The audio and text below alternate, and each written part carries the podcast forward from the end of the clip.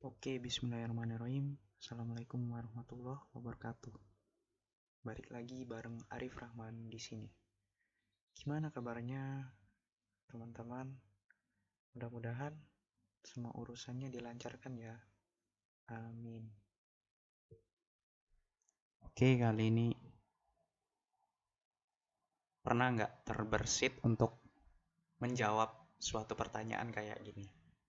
Apa sih keinginan terdalam dari hati kamu yang paling dalam? Atau apa sih impian kamu yang udah sejak lama kamu inginkan? Atau apa impian terdalam kamu? Dan pertanyaan sejenisnya pernah belum mendengar? Dan kalau udah pernah dengar atau baru pun dengar di sini mungkin pertanyaan ini memang nggak langsung bisa dijawab pada saat itu juga. Dan kalaupun dijawab sekarang, juga mungkin itu hanya di luar permukaan.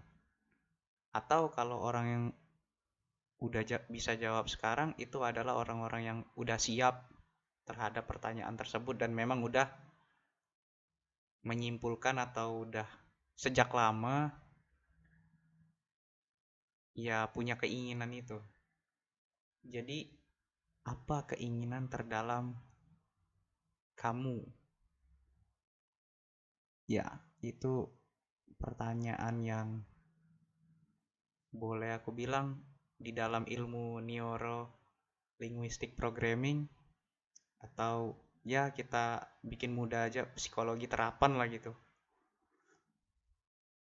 Itu sangat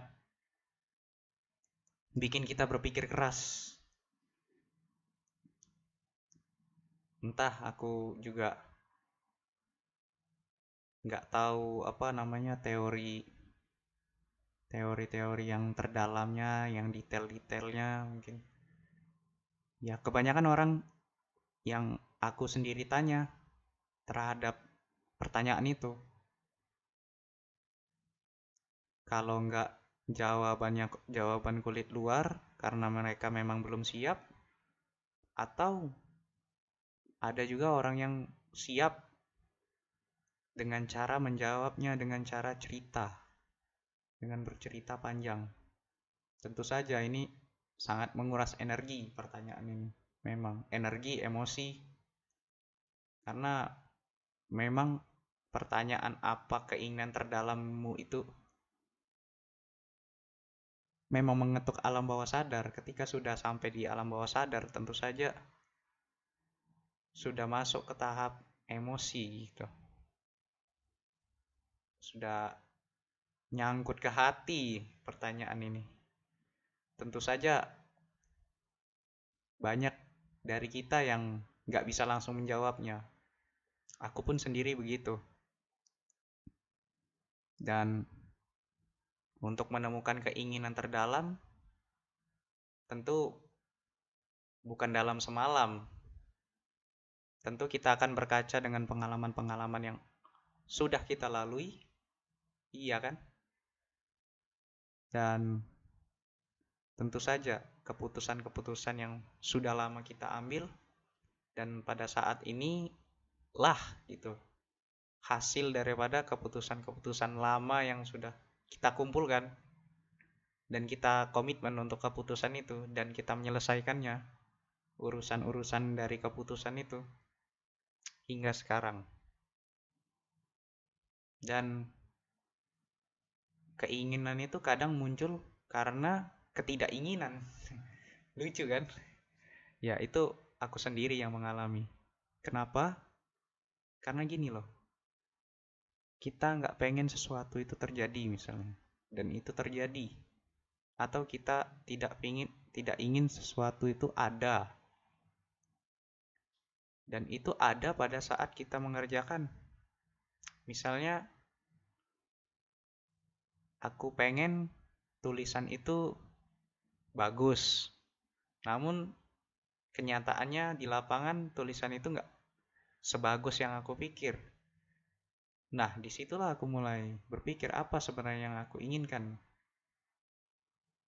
dan tetap saja tulisan itu terbaca. Jadi untuk selanjutnya aku ingin tulisan itu sesuai minimal standar orang terbaca gitu.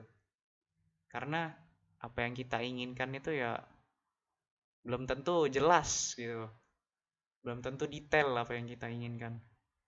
Karena semakin banyak kita menemukan suatu fenomena terhadap keinginan di awal kita, lalu dan terus-menerus terjadi banyak feedback dari alam semesta, dari orang-orang sekitar kita. Itu bakal mengubah sudut pandang kita dan kita bisa menetapkan keinginan yang lebih mengerucut gitu. Keinginan yang lebih spesifik atau lebih detail.